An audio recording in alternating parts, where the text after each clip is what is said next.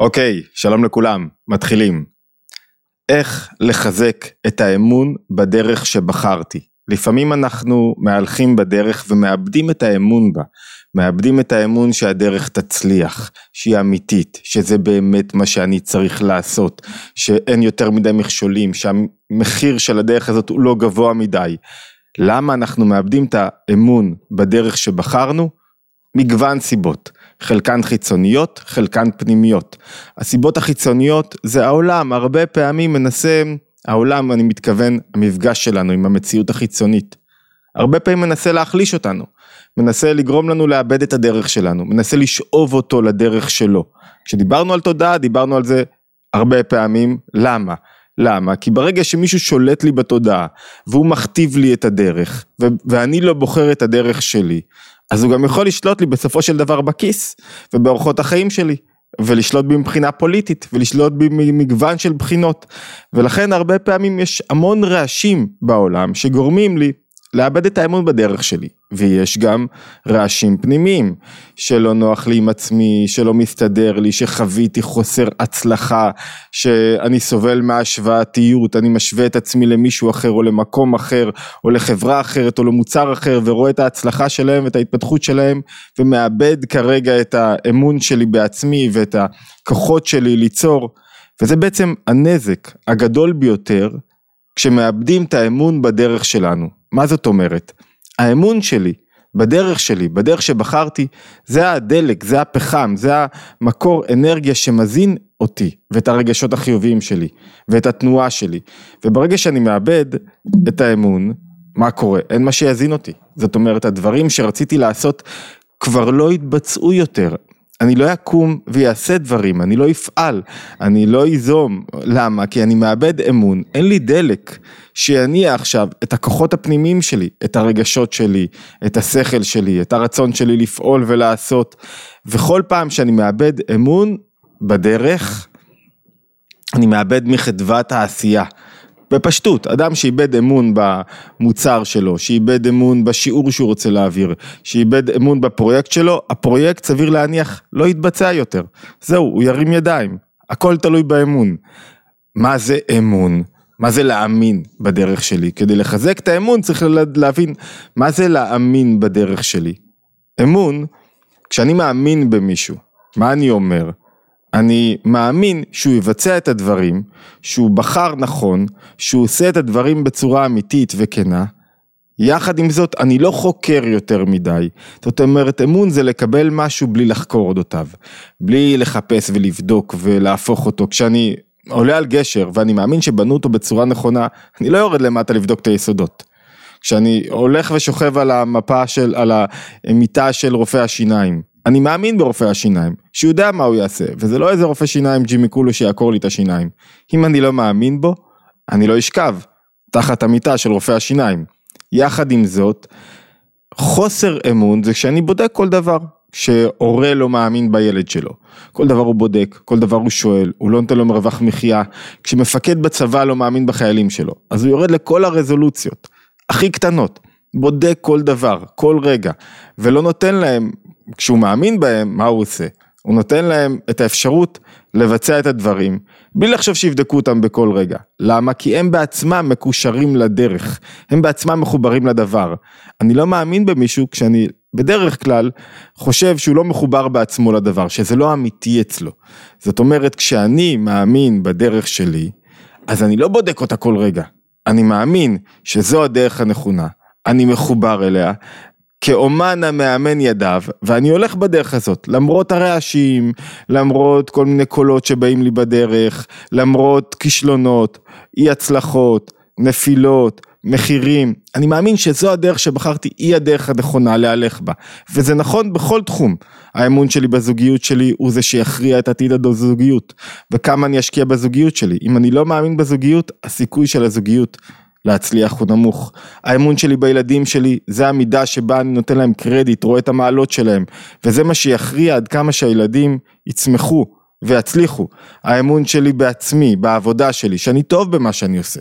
יש מגוון של מקצועות שהם לא מדידים בצורה מאוד בולטת, מקצועות הפסיכולוגיה, הפסיכיאטריה, הטיפול, זאת אומרת קשה מאוד למדוד אם הצלחת, עד כמה, לגעת במישהו אחר, כי הרבה נתון בידיים שלו, אם הצלחת לרומם אותו, אם פגעת בו, אם היית הקול המתאים עבורו. אם אתה לא מאמין בעצמך, בדרך שלך, שזה אחד המרכיבים המשמעותיים, התרפויטים, בתוך המפגש עם, עם מישהו שאתה מנסה לעזור לו. אם אתה לא מאמין, אז בסופו של דבר זה ניכר במפגש עצמו, אתה מאבד כוחות, בסופו של דבר מאבד אמון בעצמך, לאבד אמון בדרך שלך, זה לאבד אמון בעצמך, וזה מחליש אותך מאוד. הביטויים של החלשה יכולים להגיע עד כדי דיכאון ורגשות לא רצויים, כי בעצם הפסקתי להאזין את הנפש שלי בכוחות, במנוע, בדלק איכותי, שאומר לי כן, זו דרך נכונה, זו דרך אמיתית, לשם אתה צריך להלך. ולכן אמונה בדרך היא נושא כל כך משמעותי, אבל זה לא או שיש לי אמון או שאין לי אמון. אמון זה לא דבר סטטי, אמון זה דבר כל הזמן דינמי, מה זאת אומרת? אני נותן אמון במשהו, יחד עם זאת יש לי מערך של בדיקות, כאילו אני לוקח מהאמון ומזין קצת, השכל נהיה מעורב ומשהו מצליח להבין בשכל, וזה אני כבר לא צריך להאמין, זאת אומרת, אם אני אעביר את זה בצורה יותר ברורה. אמונה זה מלשון המאמן ידיו, אומר אדמו"ר הזקן, כאומן המאמן ידיו, זה תוצאה של אימון. במה כרוך האימון הזה? כרוך בכל רגע לקבל החלטה שזו הדרך שאני מהלך בה, אבל בכל פעם כשמתאפשר לי, אני מנסה להוכיח, לחזק את הדרך הזאת. הרבה פעמים יש קולות שאומרים לי, תשמע, אתה לא בדרך שלך. לפעמים הם קולות אמיתיים שצריכים להקשיב להם. לפעמים אדם סוטה מהדרך הנכונה, ובחר בדרך לא נכונה. והוא צריך שיהיה לו כמה תמרורים שיעזרו לו רגע להיחלץ מהמקום שהוא הלך אליו, כי יש כחוט השערה בין להיות אדם שהוא נחרץ והולך בדרך שלו ובסוף משיג הישגים, לבין אדם שהוא אטום והולך לעברי פי פחד ועומד ליפול על פי תהום, כי הוא מהלך בדרך הלא נכונה. צריך מצד אחד שהאמונה שלי תתחזק בדרך, כי בלי זה אי אפשר להכריע רק על פי הכרעות רציונליות, צריך להיות כל הזמן.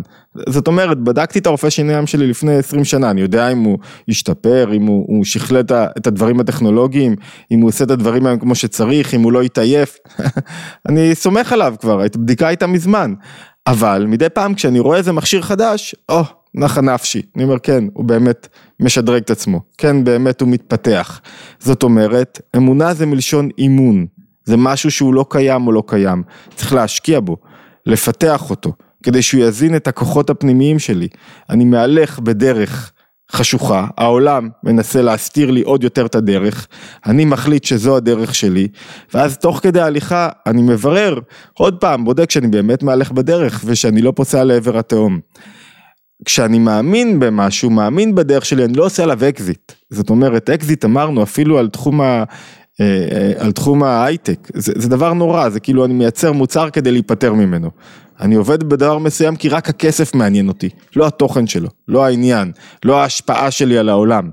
ולכן, כשמישהו מאמין במשהו, הוא לא עושה אקזיטים, הוא מברר שזו הדרך האמיתית שלו, והוא מהלך בה, והוא מתפתח בה. והשאלה הגדולה היא, איך מחזקים את האמון שלנו בעצמנו, בדרך שבחרנו, למרות כל הרעשים בעולם. למרות כל הרעשים שקיימים, למרות שכולם מנסים לטשטש לי את הדרך ולהגיד לי בשביל מה אתה מהלך, מה יצא לך מזה, למה אתה צריך לעשות את זה, בכל תחום כמעט יש רעשים, בזוגיות יש רעשים, יש פיתויים בחוץ, יש סדרה של דברים, יש אי הסכמות, יש כל כך הרבה דברים שאמורים להגיד לי, לא זה לא הדרך שלך, בחינוך הילדים, אני מסתכל על הילדים לא מרוצה, מפסיק להאמין בהם, מפסיק להאמין ביכולות שלהם, ואז אני אומר רגע, הילד של השכנים הוא יכול, הוא יתקבל לשייטת, הוא יהיה תלמיד מובחר, הילד שלי, אני לא רואה בו את הכישורים הללו, אני לא מאמין בו. אז איך מחזקים את האמון בדרך שלנו? לשם כך אנחנו בתוך פסיכולוגיה בפרשה, וואו, אחרי תשע וחצי דקות הגענו. אנחנו בתוך פסיכולוגיה בפרשה, פרשת ויחי, ואנחנו רוצים ללמוד מתוך אה, פרשת השבוע, איך מחזקים את האמון בדרך, אני מזכיר, מי שלא נרשם עדיין לערוץ מוזמן להירשם, בכל יום עולה התבוננות יומית, פעם בשבוע שקשורה לפרשה, שמתוך תורת הנפש היהודית אנחנו מוצאים אה, תובנות מעשיות לתוך החיים שלנו. וכמובן יש את קבוצות הוואטסאפ של מי שרוצה להצטרף, שם אנחנו מודיעים על אירועים שונים, על ההתבוננות היומית וכמובן וואטסאפ ביום וכמובן על מפגשים מחוץ לזום ועוד התרחשויות ופעילויות. מוזמנים להצטרף, זה חשוב לנו מאוד שתצטרפו כי זה מאפשר לערוץ לגדול ולנו לעשות את מה שצריך ולהתמיד בלימוד היומי המשותף. אוקיי, טוב אני רוצה לקחת אתכם לאירוע שהוא מוזר, אניגמטי. יעקב זוכה בערוב ימיו ל-17 השנים הטובות ביותר שלו. תשימו רגע את השאלה של איך מחזקים את האמון בדרך שלי כאן, בצד, ותכף נחזור אליה. בואו ניתן לנו רגע את הקונטקסט שעליו אנחנו מדברים. יעקב זוכה ל-17 שנות חסד במצרים, השנים הטובות שלו ביותר, בגיל 147 הוא מזמין את יוסף שיבוא עם הנכדים שלו, ליוסף יש שני ילדים, אה, אה, אה, אסנת בת פוטיפרה, כהן הון, הוא מזמין את שני הנכדים שלו כדי שהוא יברך אותם, יוסף מגיע עם הנכדים שלו לברך אותם, הוא נוטה למות, ואז יוסף לוקח את בניו ומסדר אותם בצד ימין, זאת אומרת שיקביל ליד ימינו של יעקב, הוא שם את הבן הבכור, מנשה. בצד שמאל, שיקביל לצד יד שמאל של יעקב, הוא שם את הבן השני, את אפרים, שני הבנים שלו, ואז הוא מבקש ממנו לברך אותם, ויעקב מה עושה?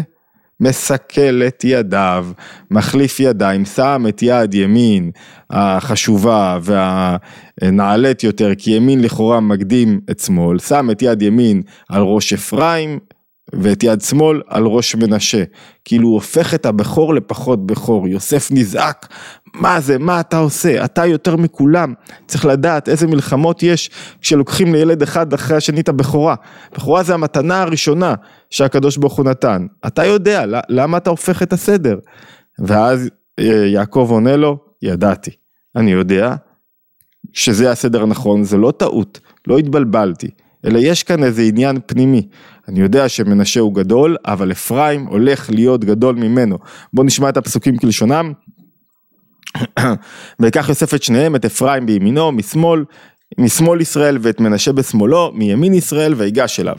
ואז הוא שולח את, ושולח ישראל, ישראל זה יעקב, את ימינו, ושם אותה וישת על ראש אפרים, והוא הצעיר, ואת שמאלו על ראש מנשה. סיכל את ידיו כי מנשה הבכור. ויברך את יוסף, ויאמר האלוקים אשר יתהלכו אבותיי לפניו, אברהם ויצחק האלוקים, הרואה אותי, המלאך הגואל אותי מכל רע, הוא יברך את הנערים, ויקרא בהם שמי, וכולי וכולי, ולא ישלוט בהם עין רע, וידגו לרוב בקרב הארץ. ואז יוסף רואה כי ישית אביו את יד ימינו על ראש אפרים, וירא בעיניו, זה לא טוב ככה, זה לא הסדר הנכון של הדברים. ויתמוך, הוא מנסה להזיז את היד של יעקב, ויתמוך יד אביו להסיר אותה מעל ראש אפרים, על ראש מנשה. ויאמר יוסף אל אביו, לא כן אביו, כי זה הבכור.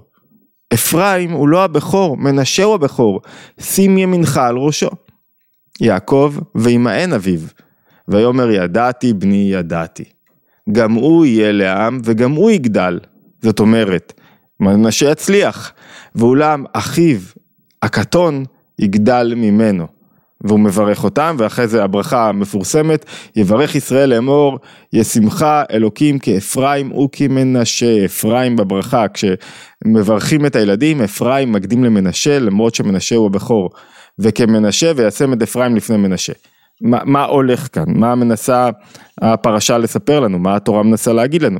מה המסר הפנימי של הסיפור הזה? למה יעקב הוא כל כך חסר רגישות כרגע? למה הוא מעדיף את, אה, את, את, את, מנש, את אפרים לפני מנשה? אז אני רוצה לתת כמה פרשנויות ולהגיע לפרשנות של הרבי מלובביץ', פרשנות ראשונה של קדושת הלוי, רב לוי יצחק מברטיצ'ב. תזכרו את השיעור שלנו, את הנושא שלנו, איך מחזקים את האמון בדרך. מה אומר... רב לוי יצחק מברדיצ'ב, אני מחזיר אתכם רגע לסיבות שבגינן אפרים נקרא אפרים ומנשה נקרא מנשה. זאת אומרת, בשם של האדם מקופל הייעוד שלו בחיים, או יותר מכך, יוסף מגיע לאפרים, מגיע למצרים, במצרים הוא מתמודד. כדי לבטא את ההתמודדות שלו, או אופן אחד של ביטוי ההתמודדות של איך שהוא מתמודד עם מצרים, עם החושך, מצרים, מקום הכי רחוק מבית אביו, כדי לבטא את ההתמודדות, מה הוא עושה? הוא קורא לשני בניו שנולדו לו על שם הקשיים, על שם ההתמודדות, על שם התהליכים שהוא עבר. בימינו יש אנשים שמקעקעים את ההתמודדות שלהם, הייתי מאוהב ורשמתי את השם של האהבה שלי, אחרי זה שכחתי אחרי שנתיים, נשארתי עם הקעקוע.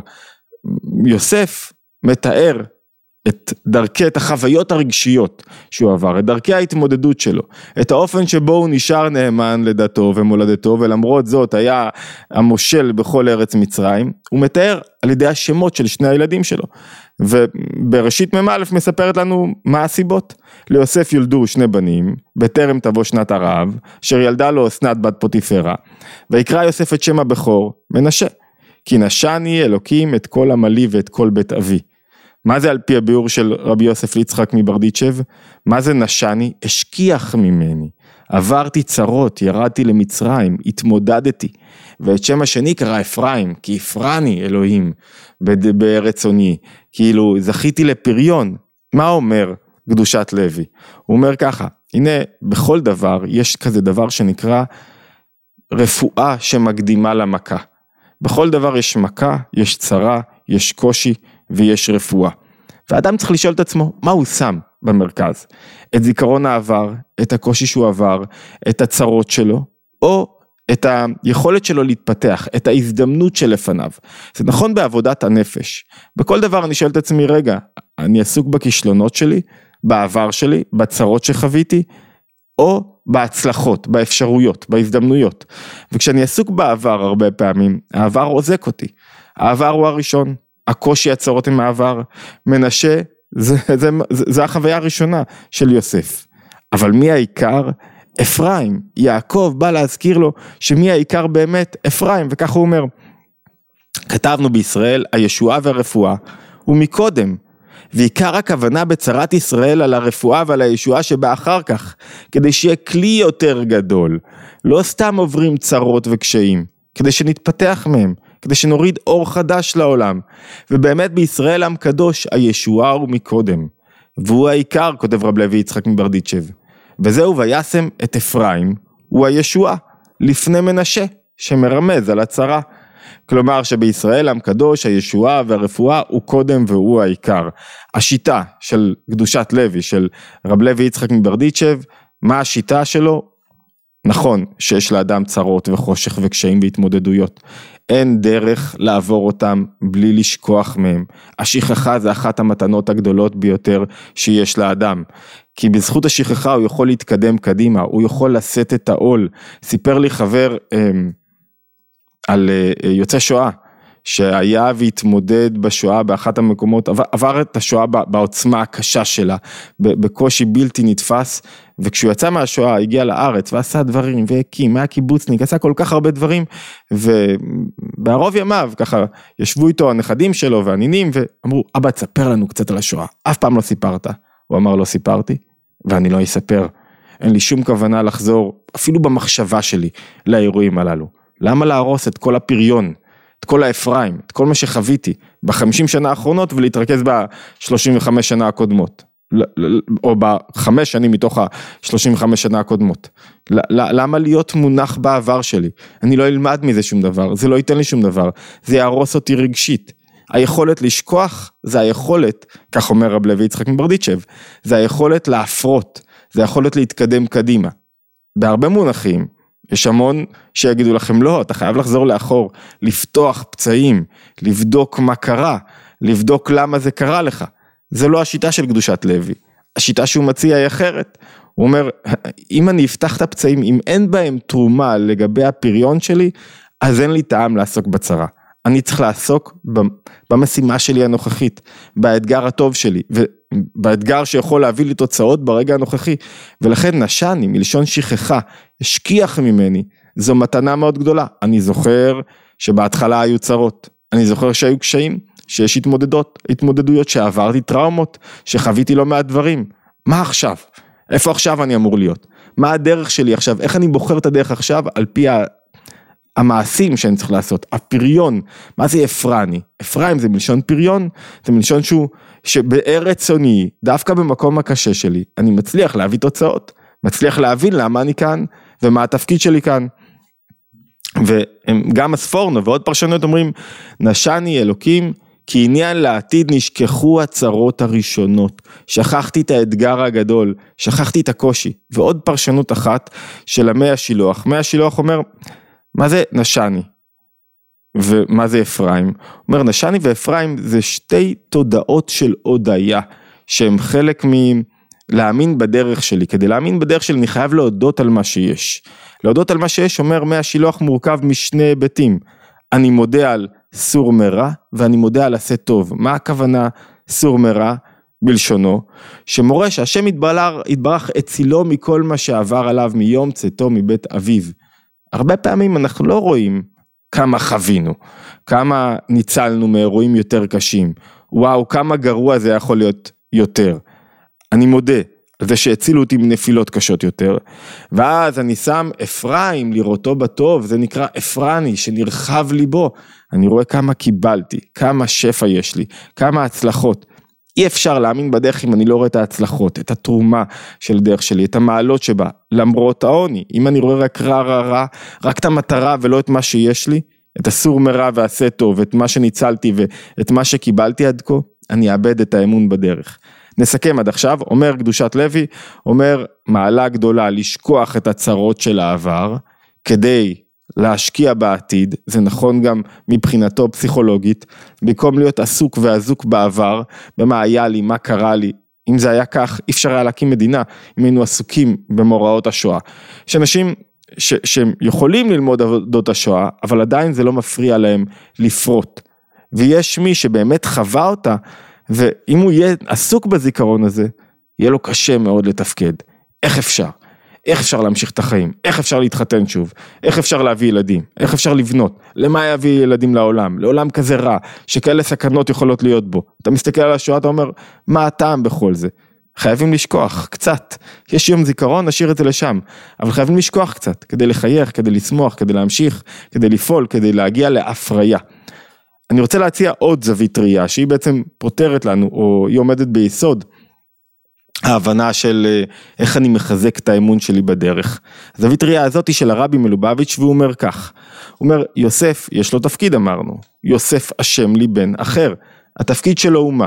התפקיד שלו הוא לקחת את הבן האחר, מי זה הבן האחר?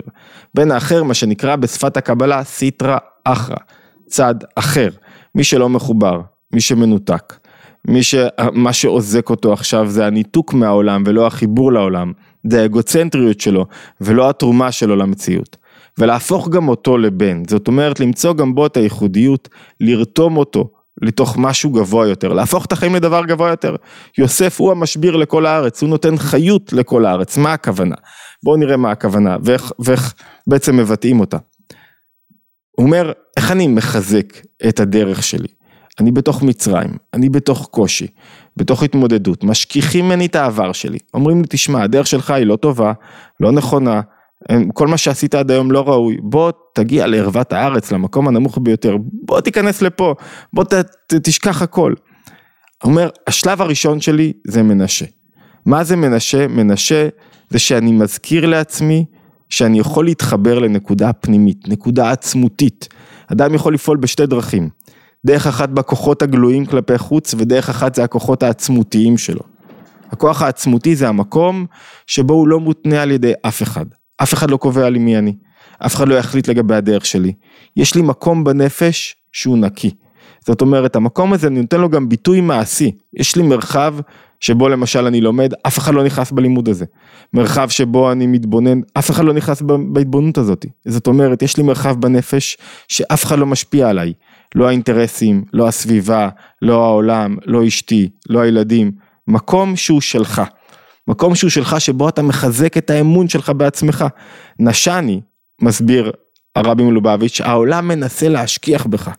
והתנועה שלי, התנועה של יוסף, נשני אלוקים, מוסב כאן על יוסף, שהוא מתמודד עם ניסיונות ההשכחה של העולם. והוא זוכר מיהו ומהו, דמות דיוקנו של אביו. הוא זוכר מי הוא ומה הוא, איך? על ידי זה שהוא מחבר למהות, מתחבר למהות העצמית שלי, לנקודה הבלתי מותנית שלו, למותר לו להיות שלו, שזו הנקודה הכי חזקה ביהדות, נקודה של אני עצמי, ואני לא רק עבור הזולת, עבור העולם, אני לא רק אבא ובעל ועובד ומרצה וסופר ולא, אני קודם כל לעצמי. קודם כל מגלה את נקודת העצמיות שלי, ואחרי זה נקודת העצמיות מתפשטת בעוד מקומות. זאת אומרת, אחת הדרכים להאמין בעצמי זה להגיד לעצמי, אני לא מוגדר על ידיכם, אני לא מוגדר על ידי ההוא, אני לא מוגדר על ידי השכנים, אני לא מוגדר על ידי פייסבוק, אני לא מוגדר על ידי ההצלחות שלי, אני לא מוגדר על ידי התוצאות שלי, על ידי מי אני מוגדר? בתניא מתאר זאת יפה אדמו"ר הזקן, חלק אלוקה ממעל ממש, יש בי נקודה פנימית ששייכת לאינסוף, שהיא, שאין בה, אין בה, אין בה, אף אחד לא יכול ללכלך אותה, אף אחד לא יכול להגדיר אותי אחרת. הנקודה שבה מותר לי להיות, הנקודה שבה אני מקבל את עצמי למרות מאבקי הנפש שלי, זה נשני. זאת אומרת, השלב הראשון אומר יוסף, שכל אדם צריך זה מרחב שקט, שבו הוא מתחבר לעצמיות שלו, שבו הוא לא נותן לעולם לשלוט בו. ואילו, מה אומר אה, אפרים? אפרים אומר משהו אחר, אפרים לא מספיק רק להסתגר, לברוח, להיות עם עצמך, לגלות העצמיות שלך. אפרני זה שאני הולך לארץ העוני, לא מתפעל מהעולם. לא אני העיקר פה, אלא העשייה שלי פה העיקר פה. אני לא מתמכר לשיח על העבר, לא כל כך חשוב לי רגע מי אני ומה אני, חשוב לי מה התפקיד שלי כרגע, מה אני צריך לעשות כרגע. והעשייה שלי כרגע היא זאת שתביא לפריון ויצירה ועשייה. אני לא, אני אוהב את עצמי, מעריך את עצמי בדיוק כמו שאני, ומכאן מה אני יכול לעשות, מה האפשרויות. הרי כשאני לא מאמין בעצמי זה שאני יותר מדי עוסק בעצמי. כשאני מאמין בדרך שלי זה אני פחות עוסק בעצמי ויותר בדרך שלי, במעשה שלי. יעקב, מה יותר חשוב? יש לנו פה שתי תנועות שונות. אחד, לצאת לעולם, להתערות בו, לעשות בו, ליצור בו, להפרות בו, והשנייה להסתגר, להיות עם עצמי, למצוא מרחב פנימי, מרחב שבו העולם לא שולט בי. נשני ואפרני, מנשה ואפרים. מה יותר נכון? התשובה של הרבי מלובביץ', שזו השיחה שעליה אנחנו מתבססים כרגע, שזה מאוד תלוי איפה אתם ובמה אתם אוחזים.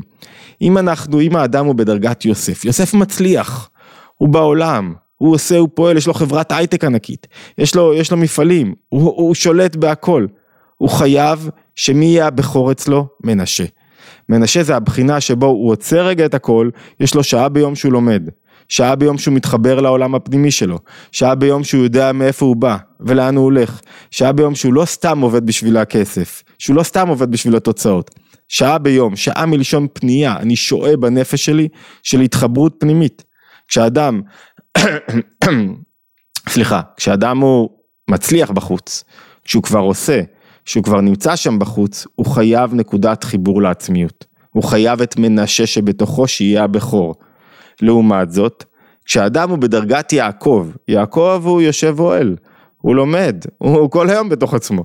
אז מה העיקר אצלו? מה הנקודה שהוא מעריך? מה הנקודה שהוא צריך לגדל בתוכו?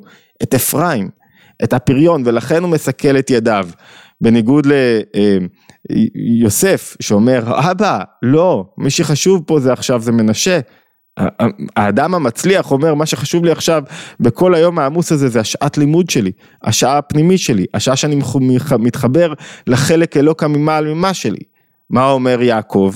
יעקב, שהוא כל היום בתוך עצמו, בתוך הלימוד, אומר לא, מה שחשוב זה היציאה החוצה, זה הפריצת גבולות, זה העשייה, זה היצירה, זה לא להיות אזוק בתוך העבר, זה מה שחשוב. זאת אומרת, אם אנחנו מסכמים, איך אני מחזק את האמון שלי בעצמי? תלוי איפה אתה נמצא. אם אתה כבר בתוך העשייה, חלק מחיזוק האמון בעצמי זה למצוא מרחב שבו אני מתכנס דווקא פנימה, יונק כוחות מתוך עצמי, מתחבר לנקודה העצמותית שלי, שוכח מהעולם, שוכח מהתוצאות רגע ומתחבר למקום שבו מותר לי להיות, מקום שבו אני לומד על משהו גבוה יותר, שאני מבין את עצם הנפש שלי. המקום הזה יחזק אותי אחרי זה ביציאה החוצה. כי אני גיליתי רגע שאני לא רק אדם של תוצאות והישגים ואיך רואים אותי והסטרס, אלא אדם שהוא מחובר למשהו הרבה יותר גבוה, שהוא חלק משושלת הדורות, חלק מבורא שבורא אותו ברגע הזה והחדיר בו חיות ואמונה, חלק מבריאה שהיא, שהיא אינסופית. ברגע שאתה קולט את הדברים האלה אתה וואו, יואו, העולם לא תופס אצלי מקום. אבל אם אתה אדם שלא יוצא מהחדר ומאמין בדרך שלך אבל לא פועל ומתעקש על כך כי יש משהו מאוד נוח בלא לצאת החוצה לעולם. יש משהו מאוד נוח להישאר בתוך עצמי, עם עצמי, כאילו אני מאמין בעצמי, אבל לא משיג את הפריון, לא מביא את התוצאות, הוא לא אפרים. בזמן הזה מה שחשוב, צריך להיות יקר בעיניך, זה דווקא היציאה החוצה. להתאמץ, לפעמים קל לי, כיף לי, לא רוצה, תנו להישאר בתוך עצמי. כיף, מקום מאוד חמים, מאוד נעים, מאוד מוגן. דווקא במקום הזה צריך לייקר את המעשה האחד, שיביא לתוצאה אחת, ואת העוד מעשה, ואת העוד פעולה, כי אתה כבר מחובר לעצמך. עכשיו תתחיל לצאת קצת, תתחיל לתת לעולם. בסופו של דבר הברכה היא שיהיה חיבור פנימי, אבל העיקר הוא הפריון, לצאת החוצה. ולהוציא מעצמי יותר קצת, וזה קשה לפעמים, כי אני רוצה להיות עם עצמי, בתוך עצמי, רוצה להסתגר, רוצה שידברו עליי, רוצה ש, שיעסקו בי, מאוד קשה למישהו, רוצה שיעסקו בעבר שלי, לא, קשה לי להתנתק, לשכוח ממה שחוויתי. אחת הדרכים זה לשכוח את מה שחוויתי, ולהתחיל לעשות קדימה, ולצאת כי קודם כל אפרים ולאחר מכן מנשה. אוקיי, זו הייתה פסיכולוגיה בפרשה, אבל התבוננות יומית, מוזמנים, מאוד, אה, חשוב לנו מאוד להצטרף וגם חשוב שנהיה, תדעו לגבי הסרטונים הבאים, תצטרפו לערוץ התבוננות ביוטיוב או ספוטיפיי או איפה שאתם מאזינים, וכמובן מוזמנים להצטרף לקבוצות הוואטסאפ.